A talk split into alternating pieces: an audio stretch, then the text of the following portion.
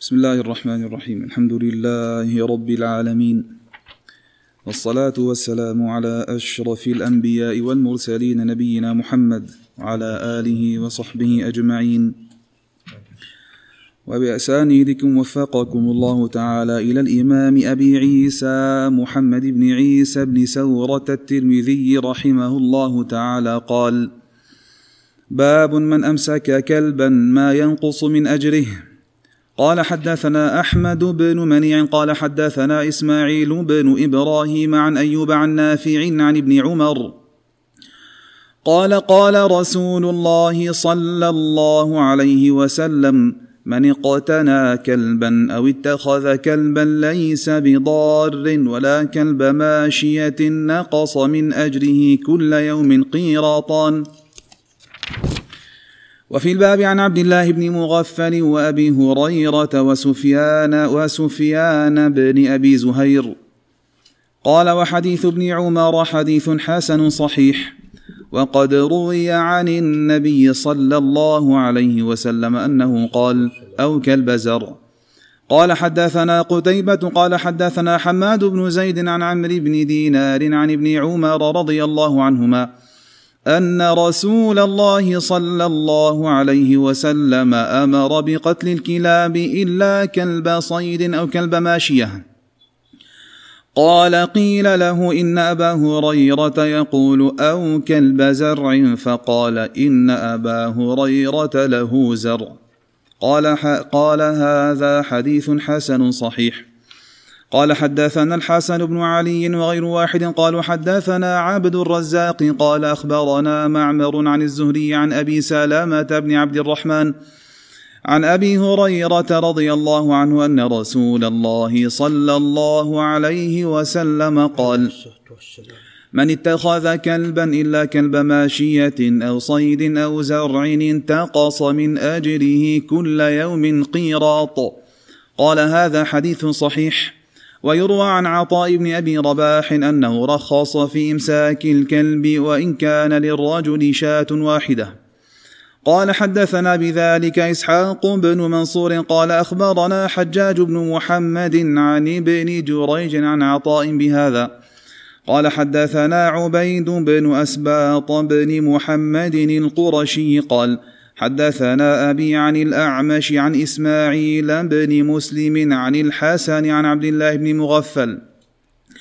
قال إني لممن يرفع اغصان الشجره عن وجه رسول الله صلى الله عليه وسلم وهو يخطب. فقال لولا أن الكلاب أمة من الأمم لأمرت بقتلها. فاقتلوا منها كل أسود كل أسود أو كل أسود بهيم وما من أهل بيت يرتبطون كلبا إلا نقص من عملهم كل يوم قيراط إلا كلب صيد أو كلب حرث أو كلب غنم. قال هذا حديث حسن. وقد روي هذا الحديث من غير وجه عن الحسن عن عبد الله بن مغفل عن النبي صلى الله عليه وسلم. قال باب في الذكاة بالقصب وغيره. قال حدثنا هناد. قال حدثنا أبو الأحوص عن سعيد بن مسروق عن عباية بن رفاعة بن رافع بن خديج عن أبيه عن جده رافع بن خديج رضي الله عنه قال قلت يا رسول الله إنا نلقى العدو غدا وليست معنا مدى. فقال النبي صلى الله عليه وسلم ما أنهر الدم وذكر اسم الله عليه فكلوا ما لم يكن سنا أو ظفرا. وسأحدثكم عن ذلك. أما السن فعظم وأما الظفر فمدى الحبشة. قال حدثنا محمد بن بشار قال حدثنا يحيى بن سعيد عن سفيان الثوري قال حدثني أبي عن عباية بن رفاعة عن رافع بن خديج عن النبي صلى الله عليه وسلم نحوه ولم يذكر فيه عن عباية عن أبيه وهذا أصح وعباية قد سمع من رافع. والعمل على هذا عند أهل العلم لا يرون أن يذكى بسن ولا بعظم.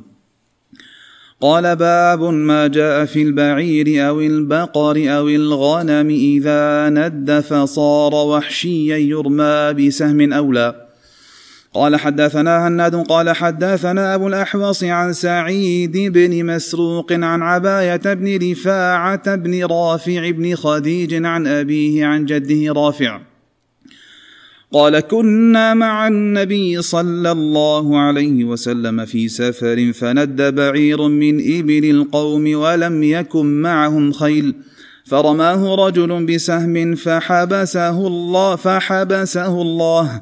فقال رسول الله صلى الله عليه وسلم إن لهذه البهائم أوابد كاوابد الوحش فما فعل منها هذا فافعلوا به هكذا.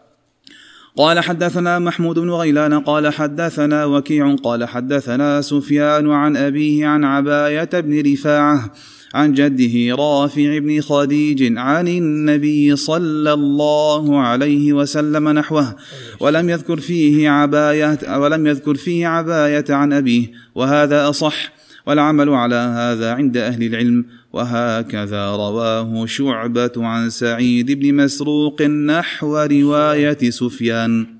أحسن الله إليكم. أحسنت. بسم الله الرحمن الرحيم.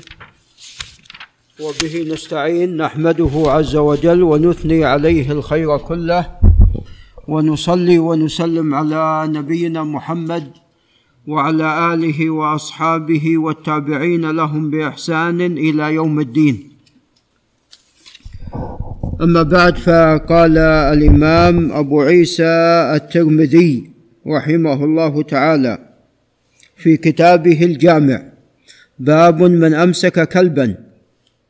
ما ينقص من أجره أي إذا أمسك كلبا ليس مما رخص فيه. ماذا ينقص من أجره في هذه الحالة؟ وقد جاءت النصوص كما سوف يأتي بأنه ينقص من أجره كل يوم قيراطان نعوذ بالله من ذلك. فدل هذا على أنه لا يجوز الإمساك بالكلب أي تربيته واتخاذه إلا فيما رخص فيه الشارع. وأما ما سوى ذلك فإنه لا يجوز للإنسان أن يقتني الكلب إذا لم يكن مرخصا فيه مرخصا فيه فيما سوف يأتي وهي الأشياء الثلاثة. نعم. وفي هذا الحديث ان ينقص من أجره. ينقص من أجره. نعم. يعني الإنسان عندما يفعل المعصية إما أن يكون عليه إثم وسيئة أو سيئات وإما أن ينقص الأجر. نعم. فكلاهما دالان على الإثم ووقوعه. وفي يوم القيامة نعم إذا كان الإنسان نعوذ بالله قد شتم هذا واعتدى على هذا وضرب هذا نعم فإنه يؤخذ من حسناته نعم يؤخذ من حسناته. إذا فنيت الحسنات يؤخذ من سيئات الذي اعتدى عليه وتجعل على من؟ تجعل على المعتدي تجعل على المعتدي. فيطرح في النار نعوذ بالله من ذلك. فالأخذ من حسناته مثل ما جاء هنا ينقص من أجره. نعم. قال حدثنا أحمد بن منيع. وأحمد بن منيع هو البغوي وهو من الحفاظ وتوفي عام 44 ومائتين. وله مسند. قال حدثنا إسماعيل بن إبراهيم وهو ابن مقسم الأسدي البصري المعروف المعروف بابن علية. وعلية هذه أمة أو جدته وقد وصفت بالفضل. وكان رحمه الله يكره أن ينسب إليها ولكن قد اشتهر. بهذه النسبة. نعم.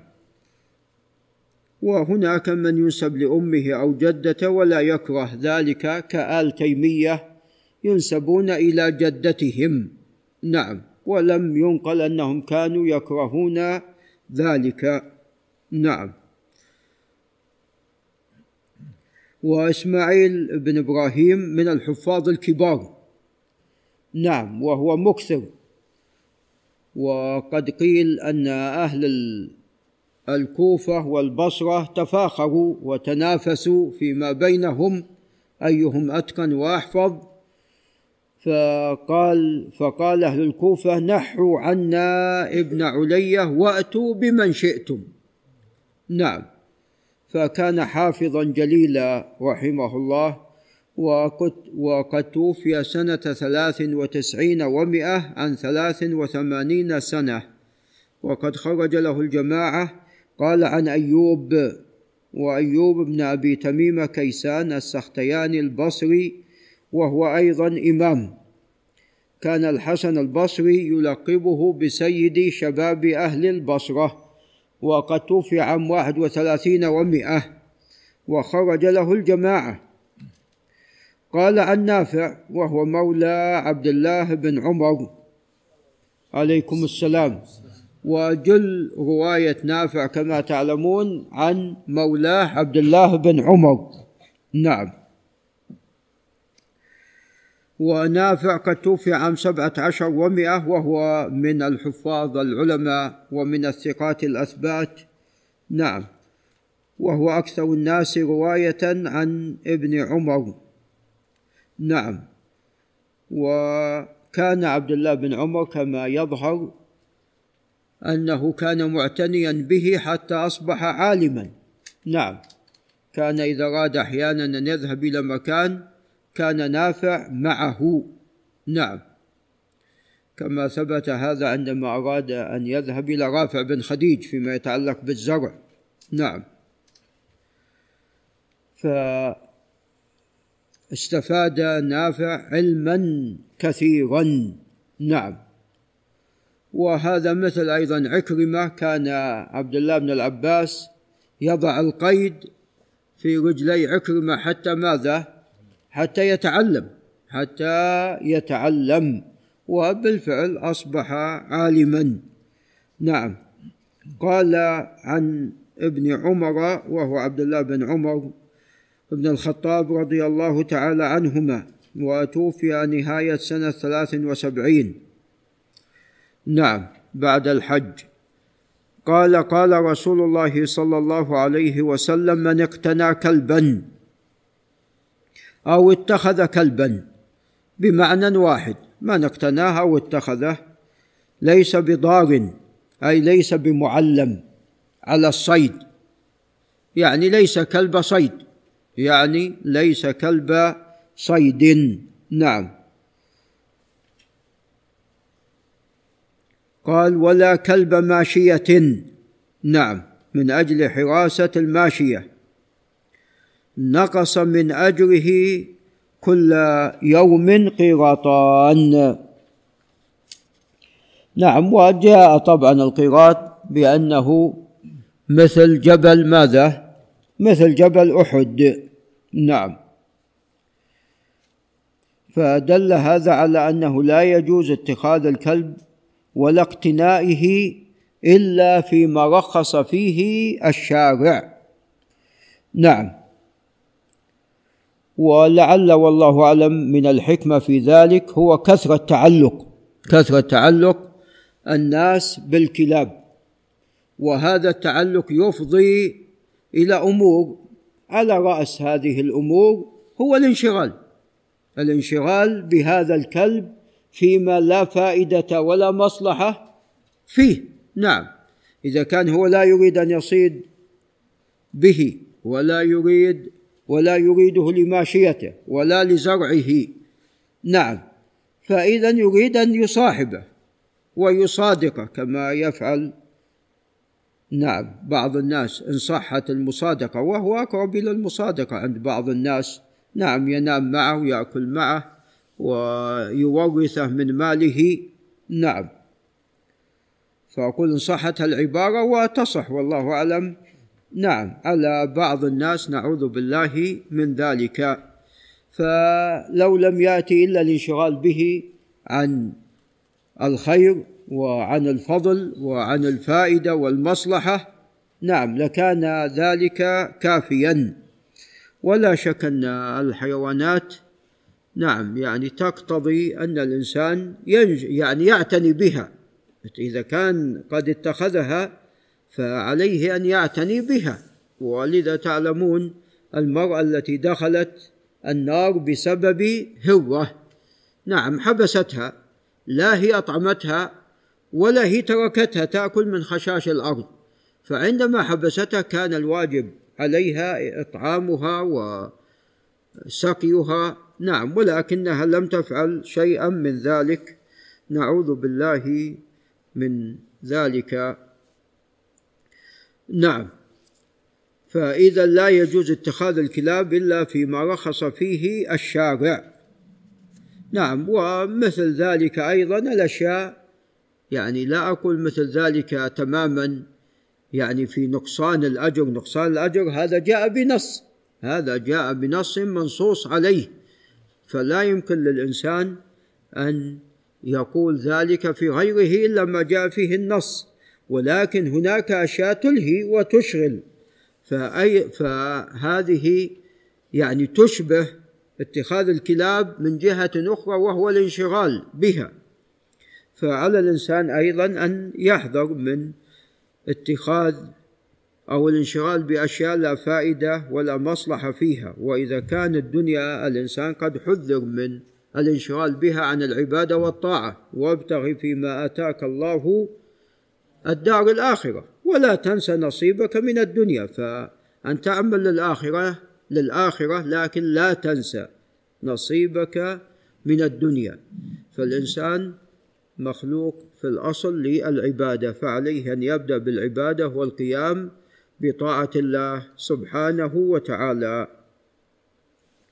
نعم. قال وفي الباب عن عبد الله عن عبد الله بن مغفل. وعبد الله بن مغفل هو المزني وتقدم حديثه في الدرس الماضي. وهو ممن شهد بيعة الشجرة وقد توفي سنة سبع وخمسين. نزل البصرة وتوفي فيها. قال وأبي هريرة نعم وسوف يأتي حديث أبي هريرة رضي الله عنه.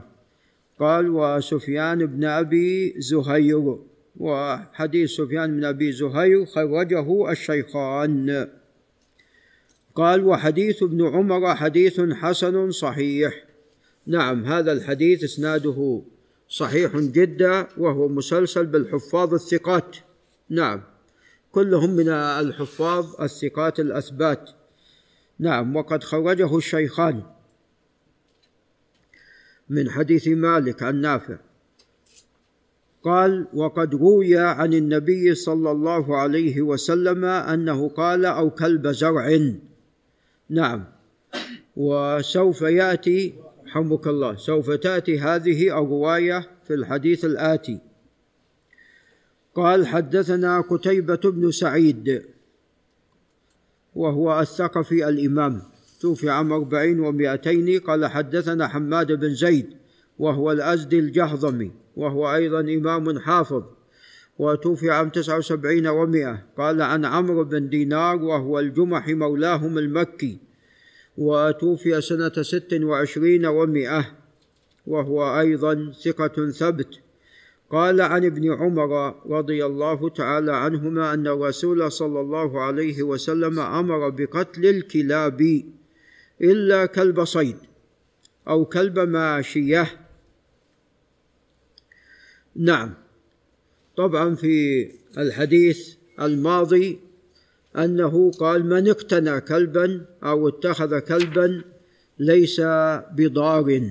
نعم. الحديث. وهنا قال أن الرسول عليه الصلاة والسلام أمر بقتل الكلاب. نعم. واللفظ الأول أصح. اللفظ الأول نعم أصح. نعم. وتقدم لنا الأمر بقتل الكلاب وسوف أيضا يأتي في حديث عبد الله بن مغفل تقدم وسوف يأتي. نعم. قال إلا كلب صيد أو كلب ماشية. قال قيل له إن أبا هريرة رضي الله عنه يقول أو كلب زرع. نعم هذا الأمر الثالث الذي جاء الترخيص فيه في اتخاذ الكلب من أجله. نعم وهو من أجل الزرع حراسة الزرع من الإنسان ومن ماذا؟ ومن الحيوان من الإنسان يعني الإنسان الذي يريد أن يأخذ بدون حقه أو من الحيوانات التي نعم قد تدخل في حوائط الناس وبساتينهم وتأكل من الزرع. فهذا كله مما جاء نعم هذا كله مما رخص فيه في هذه الحالة. نعم. وكثيرا ما تكون الحيوانات مسيبه مهملة فيحصل منها أذى. نعم من حمير أو من آه، إبل. نعم تكون مسيبه فتدخل البساتين وزروع الناس. نعم وتفسد فيحصل منها أذى وضرر. نعم فرخص في اتخاذ الكلب من أجل الزرع. نعم. قال أبو عيسى هذا حديث حسن صحيح. نعم لأن أيضا رجال كلهم من الثقات المشاهير. ولكن تقدم أن اللفظ الأول هو ماذا؟ هو أصح. اللفظ الأول أصح. نعم. ويؤيده ما سوف يأتي نعم في حديث أبي هريرة. نعم. فقال آه، عبد الله بن عمر إن أبا هريرة له زرع. نعم. فأبو هريرة لأن له زرع فهذا يجعله يعتني بما كان له علاقة بماذا؟ بالزرع. نعم. فحفظ أو كلب زرع حفظ هذه الزيادة. بخلاف عبد الله بن عمر رضي الله عنهما لم يحفظها.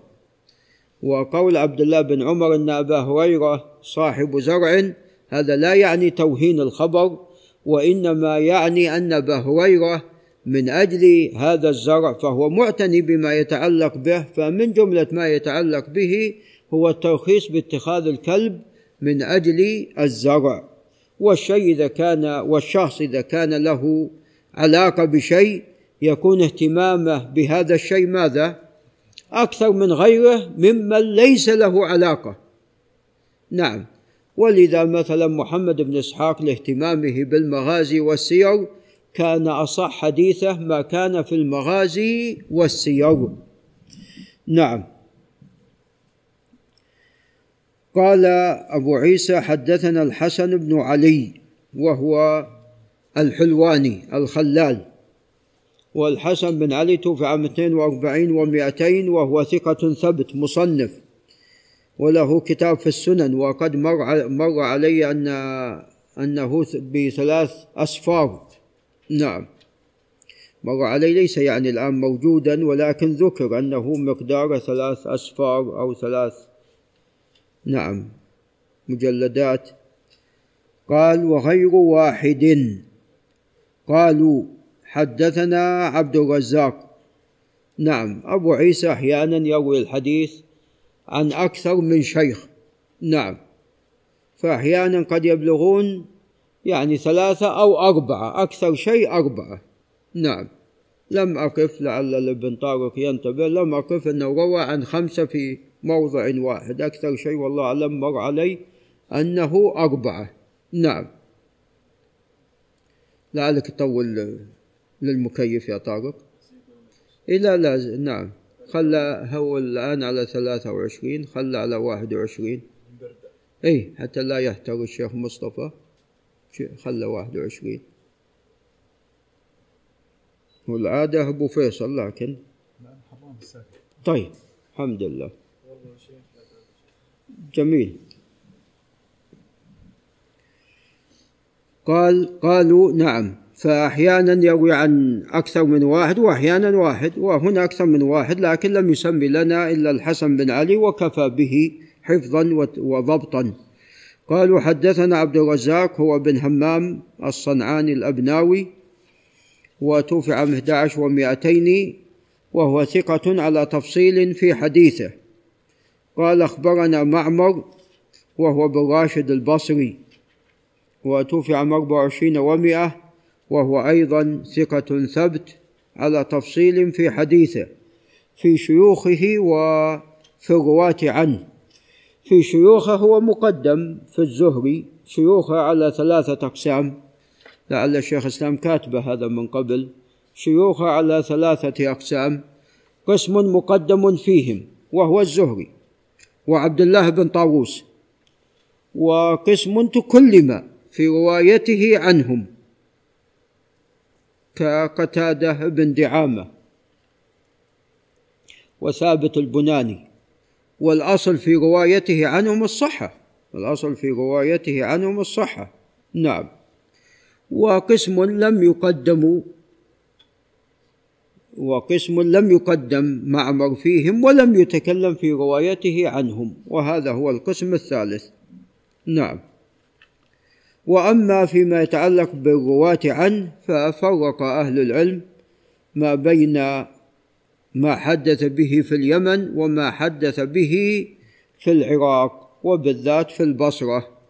هو بصري ولكن قام باليمن وذلك أنهم عندما جاء لليمن رأوا فضله وعلمه فقالوا قيدوه فزوجوه فجلس عندهم. نعم. فكان يأتي إلى بلده البصرة الأصلي وياتي وهو يعني يأتي ليس على سبيل البقاء مدة ويرجع. ففي هذه المدة الناس يريدون السماع منه فقد يستعجل في الروايه وقد تكون كتبة ليست معه فيخطئ يحدث فيقع في الخطأ في بعض الشيء. نعم. فلذا كان عبد الرزاق أثبت الناس في معمر. نعم. وحديث أهل اليمن عنه هو الأصح. قال عن الزهري وهو محمد بن شهاب بن مسلم القرشي الزهري محمد بن مسلم بن عبيد الله بن عبد الله بن شهاب القرشي الزهري أبو بكر الإمام. توفي عام 24 ومئة قال عن أبي سلمة بن عبد الرحمن بن عوف القرشي الزهري وهو إمام أيضا جليل وكان من كبار الفقهاء توفي عام أربعة وتسعين وقيل غير ذلك. وهذه السنة تسمى بسنة الفقهاء لكثرة من مات فيها من فقهاء المدينة منهم عروة بن الزبير ومنهم عبيد الله بن عبد الله بن عتبة. قال عن أبي هريرة رضي الله تعالى عنه أن الرسول صلى الله عليه وسلم قال من اتخذ كلبا إلا كلب ماشية هنا ما ليس فيه الأمر بقتل الكلاب من اتخذ كلبا إلا كلب ماشية أو صيد أو زرع. هذه الأشياء التي نعم رخص فيها. طبعا ويلحق بها ما كان مثلها. فإذا كان حراسة الغنم وحراسة الزرع مرخص فيه فمن باب أولى حراسة نعم البيت والبشر نعم. من فعل ذلك اتخذ كلبا ليس فيما رخص فيه وهي الاشياء الثلاثه وما كان مثلها انتقص من أجره كل يوم قيراط. نعم. وتقدم في حديث عبد الله بن عمر. نعم نقص من اجره كل يوم قيراطان نعم. ولا تنافي بين هذا الحديث والحديث الذي سبق. نعم. وهذا مثل ما جاء والله أعلم أن من صلى في جماعة له أجر خمسة وعشرين وجاء في حديث ابن عمر له سبع وعشرين. نعم. في حديث أبي هريرة وحديث أبي سعيد خمس وعشرين وفي حديث عبد الله بن عمر سبع وعشرين درجة. نعم. فإذا كان هناك زيادة نعم. فهذا لا تنافي بين الخبرين في هذه الحالة. فيكون يعني حديث عبد الله بن عمر أتى بزيادة فتكون فالأصل إذا ثبتت الزيادة تقبل. نعم. قال أبو عيسى هذا حديث صحيح. وفي بعض النسخ حسن صحيح. وعندي هنا أن كذلك أيضا في شرح العراقي. العراقي له شرح على الترمذي لم يكمل. نعم. فأيضا في النسخة التي عليها شرح العراقي حسن صحيح. وأما في تحفة الأشراف فصحيح مثل ما هنا. وكذا في التأصيل طبعة التأصيل أيضا صحيح مثل الرسالة نعم. وقوله هنا صحيح والله أعلم لعل من باب التفنن. باب التفنن. في العبارة. فهو يكثر كما تقدم لنا يكثر رحمه الله من التفنن في التفنن في, في الأحكام. نعم. فوجد له تقريبا تتبع كلامه في الجامع يعني نحو 200 لفظ في الحكم على الأحاديث. نعم. فتجد الصحيح بأنواعه. صحيح مطلق وصحيح مقيد وهذا المقيد إما مقيد بحسن وإما مقيد بغريب. والمقيد بحسن مرات حسن صحيح ومرات صحيح حسن. مرات صحيح حسن هذه نادر ولا الغالب حسن صحيح. ومرات حسن قريب صحيح. نعم. وأيضا المقيد بالغراء نعم أحيانا نعم صحيح غريب أو غريب صحيح أو مطلق صحيح. نعم. وأيضا الحسن صحيح يتفنن فيه أيضا. نعم كما تقدم الإشارة إلى هذا نعم يتفنن فيه تفنن كبير. نعم. وأيضا الحسن نعم أحيانا يكون حسن مطلق وأحيانا يكون مقيد. نعم. ثم بعد ذلك الغرابة أحيانا مطلقة وأحيانا مقيدة بالصحة وأحيانا مقيدة بالحسن. نعم. فيعني عبارات كثيرة جدا.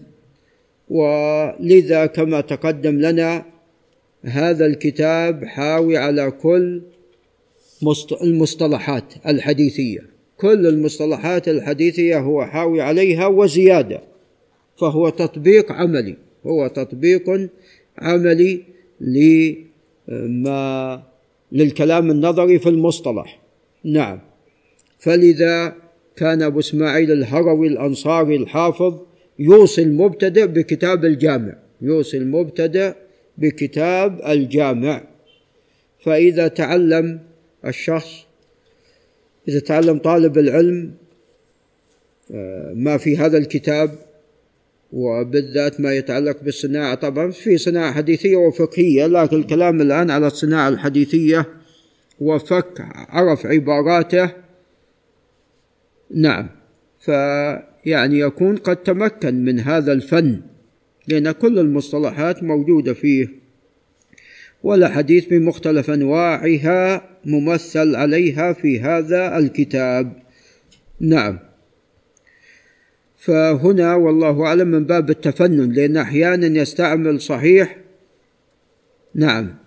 بمعنى أصح من الحسن الصحيح. وأحيانا يستعمل صحيح مثل الحسن الصحيح. بمعنى وأحيانا من باب التأكيد يكون الحديث فيه اختلاف فيريد أن يؤكد هذا الاختلاف يؤكد صحته فيه اختلاف وأن هذا الاختلاف عند غير ضار فيريد أن يؤكد عدم ضرر هذا الاختلاف فيقول هذا حديث صحيح. رحمك الله. يريد التأكيد على ذلك. نعم. هل يريد يؤكد هنا على كلمة الزرع؟ والله هذا محتمل أنه يريد تأكيد صحته باعتبار هذه الزيادة وقد يكون من باب التفنن. قد يكون من باب التفنن وهو بمعنى حسن صحيح. نعم.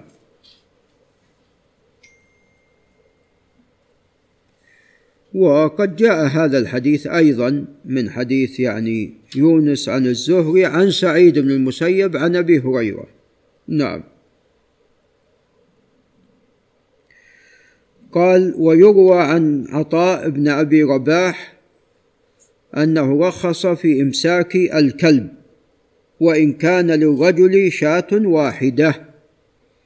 وذلك لأن هذه الشاة مال وكون هذا الإنسان ليس عنده إلا شاة قد يكون يعني تضرره بأكل هذه الشاة من قبل الذئب أكثر من تضرر من عنده مئة شاة. اللي عنده مئة شاة جاء الذئب أخذ واحدة. بقي تسعة وتسعين. لكن هذا اللي عنده واحدة أكلها الذئب شو اللي بقي له؟ لم يبق له نعم لم يبق له شيء. وعطاء بن أبي رباح كان فقيها من فقهاء الحرم. وحتى في مرة من المرات نودي أن لا يفتي الناس في المناسك إلا إلا عطاء بن أبي رباح قال أبو العباس بن تيمية أنه أفقه التابعين في المناسك. إنه أفقه التابعين في المناسك وأهل مكة لوجود الحرم عندهم يعني علمهم بالمناسك الأصل يكون أكثر من غيرهم لكثرة نعم سؤال الناس لهم فيما يتعلق بالمناسك وأحكام المناسك. قال حدثنا بذلك إسحاق بن منصور وهو بن بهرام الكوسج الحنظلي وهو ثقة فقيه توفي عام واحد وخمسين ومائتين. قال أخبرنا حجاج بن محمد وهو المعروف بالأعور المصيصي وتوفي بعد المئتين مئتين وستة أو نحو ذلك وهو ثقة ثبت خرج له الجماعة. قال عن ابن جريج وهو عبد الملك بن عبد, بن عبد العزيز بن جريج الأموي مولاهم المكي. توفي عام خمسين وقيل غير ذلك خمسين ومائة وقيل غير ذلك. عن عطاء فهذا إسناد صحيح إلى عطاء. عن عطاء بهذا. قال حدثنا قال أبو عيسى حدثنا عبيد بن أسباط بن محمد القرشي. وعبيد بن أسباط هذا قد وثقه مطين. وأما أبو حاتم مطين محمد بن عبد الله الحضرمي. وأما أبو حاتم الرازي فقال شيخ. نعم. وأبو حاتم معروف بالتشدد. نعم. فلعله ثقة. نعم. وإن لم يكن ثقة فهو صدوق. كما قال ابن حجر. قال حدثنا أبي وهو أسباط بن محمد القرشي الكوفي. ووالده أيضا ثقة له بعض الأوهام وفي رواية عن سفيان الثوري فيها بعض الكلام. تكلم يحيى بن معين على رواية عن سفيان الثوري. وتوفي سنة مئتين. قال عن الأعمش وهو سليمان بن مهران الأسد الكاهلي أبو محمد الكوفي الإمام. توفي عام 48 ومئة. قال عن إسماعيل بن مسلم وهو المكي. هو بصري الأصل نزل مكة. نعم هو بصري الأصل وقد نزل مكة. نعم. وإسماعيل بن مسلم لعله توفي عام تسعة وعشرين ومائة وهو واهي الحديث ضعيف. نعم. ولكن يكتب حديثه. نعم. قال عن الحسن طبعا هناك راو آخر اسمه أيضا إسماعيل بن مسلم وهو بصري وقريب من طبقة هذا. هذا قال ابن حجر عننا من صغار التابعين من الخامسة والثاني العبد البصري من السادسة. وكلاهما يرويان عن الحسن البصري العبد ثقة وأما هذا المكي فضعيف. قال الإمام أحمد أنه يروي عن الحسن عن سمرة يسند عن الحسن عن سمرة منكرات. وأيضا قال روى عن عمرو بن دينار منكرات. قال نعم يروي عن الحسن القراءات. نعم فالقراءات لم يتكلم فيها وإنما تكلم فيما يسند من الأحاديث. قال عن الحسن بن الحسن عن الحسن هو الحسن بن أبي الحسن. البصري الإمام. وهو سيد من سادات التابعين وتوفي عام عشرة ومئة قال عن عبد الله بن مغفل وهو المزني. نزل البصرة وشهد بيعة العقبة وتوفي عام سبعة وخمسين. رضي الله عنه. قال إني لممن يرفع أغصان الشجرة عن وجه رسول الله صلى الله عليه وسلم وهو يخطب. فقال لولا أن الكلاب أمة من الأمم لأمرت بقتلها فاقتلوا منها كل أسود بهيم أي خالص وما من أهل بيت يرتبطون كلبا إلا نقص من عملهم كل يوم قيراط إلا كلب صيد أو كلب حرث أو كلب غنم. نعم. فهذا الحديث فيما يتعلق في متنه مستقيم. نعم وقد تقدم عن عبد الله بن مغفل بإسناد صحيح. ولذا لهذا والله أعلم قال أبو عيسى هذا حديث حسن. قال وقد روي هذا الحديث من غير وجه عن الحسن عن عبد الله بن مغفل وتقدم هناك نعم تقدم برقم سبعة وخمسين وخمسمائة وألف. ونعم من غير وجه عن الحسن عن عبد الله بن مغفل عن النبي صلى الله عليه وسلم. نعم. طبعا هذا الحديث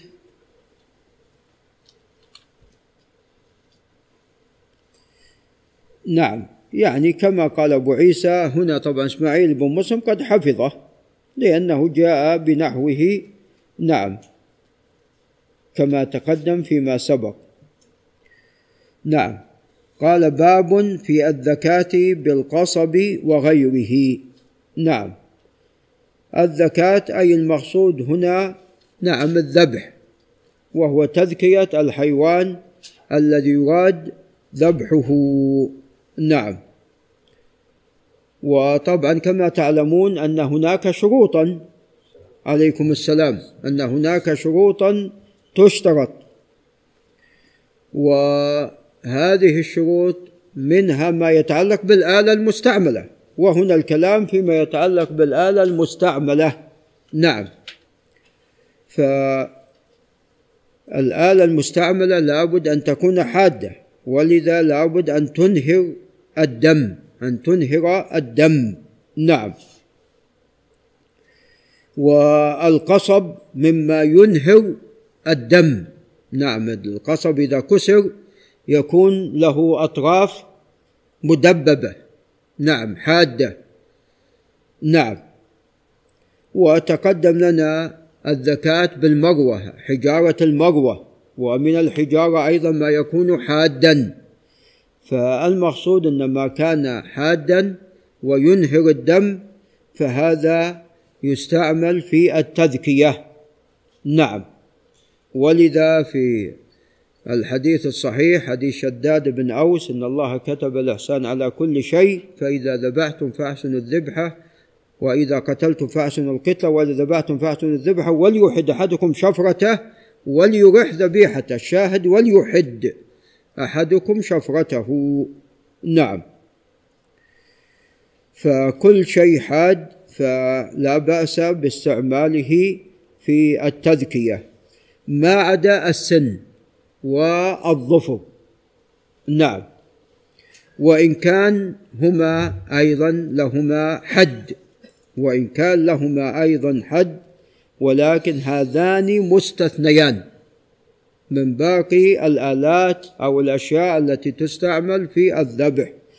فالسن لأنه عظم والعظام لا يجوز استعمالها في التذكية وهي طعام إخواننا من أهل الجن. نعم من الجن. وأما بالنسبة للظفر وإن كان حادا ولكن لأن الحبشة يستعملونه الكفار منهم يستعملون في ماذا؟ في الذبح في التذكية. وهذا طبعا في الأشياء يعني العصافير وما شابه ذلك. في العصافير وما شابه ذلك من الطيور التي يسهل ماذا؟ ذبحها. نعم. فالظفر والسن لا يجوز استعمالهما.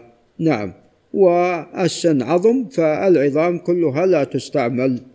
قال حدثنا هناد وهو ابن السري أبو السري التميمي وهو ثقة مكثر توفي عام 43 و200 قال حدثنا أبو الأحوص وهو سلام بن سليم الحنفي. أبو الأحوص الكوفي توفي عام 79 ومائة. خرج له الجماعة وهو ثقة مشهور واللقب أنه ثقة ثبت. قال عن سعيد بن مسروق. وسعيد بن مسروق هو الثوري والد سفيان وقد توفي عام 29 و100 نعم لعلك تشوف إسماعيل بن مسلم متى توفي يا أبو فيصل. نعم قال طبعا سعيد بن مسروق ثقة والد سفيان الكوفي. قال عن عباية بن رفاعة بن رافع بن خديج. أحسن. أي نعم. إذا إسماعيل بن مسلم 126 أو 127 و100 ليس 29 و100 وإنما سعيد بن مسروق 29 و100 قال عن عباية بن رفاعة بن رافع بن خديج الأنصاري الحارثي وعباية ثقة عباية ثقة من التابعين. قال عن أبيه رفاعة بن رافع وهو أيضا ثقة من التابعين. قال عن جده رافع بن خديج الأنصاري رضي الله عنه قال قلت يا رسول الله إنا نلقى العدو غدا. هم كانوا في غزوة من المغازي خارجين. قال وليست معنا مدن نعم. مدن للذبح. فقال النبي صلى الله عليه وسلم طبعا ليس معهم إلا سيوفهم ورماحهم؟ فقال النبي صلى الله عليه وسلم ما أنهر الدم وذكر اسم الله عليه فكلوا. فأنهر الدم أخرجه وذكر الذابح اسم الله قال فكلوا. نعم وهذا ذكرنا بمسألة نبهني عليها أبو محمد وهي فيما يتعلق بنسيان التسمية.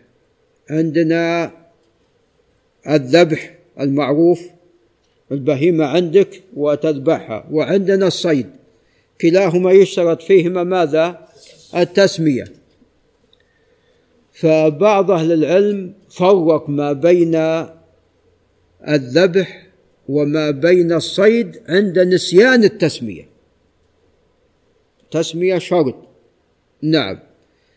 نسيت التسمية. ناتي للذبح. أكثر أهل العلم حتى نقل الإجماع. نقل ابن قدامه أو عدم الخلاف.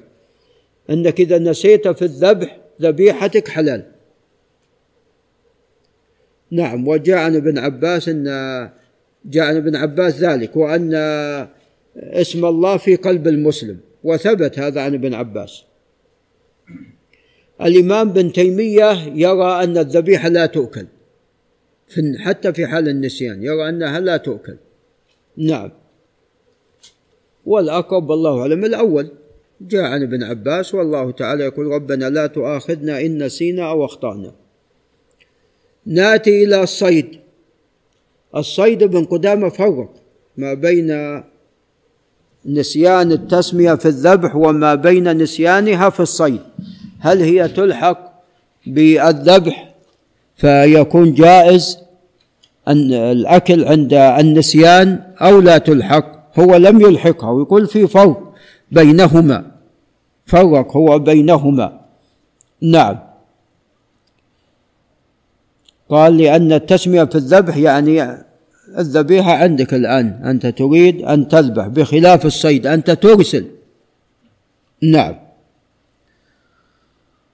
والله أعلم يعني طبعا المسألة تحتاج إلى زيادة أيضا بحث. ولكن أنا أميل الآن والله أعلم إلى أنه لا فرق بينهما. والنسيان والله أعلم في الصيد أكثر منه في ماذا؟ في الذبح. النسيان في الصيد أكثر منه في الذبح.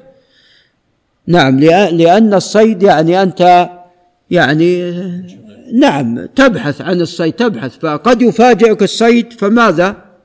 تطلق ترمي. قد يفاجئك الصيد فتطلق. بخلاف الذبيحة مصبوره عندك وأنت تحد الشفرة والذبيحة موجودة ومربوطة وتريد أن تذكيها بدون استعجال. الصيد لا.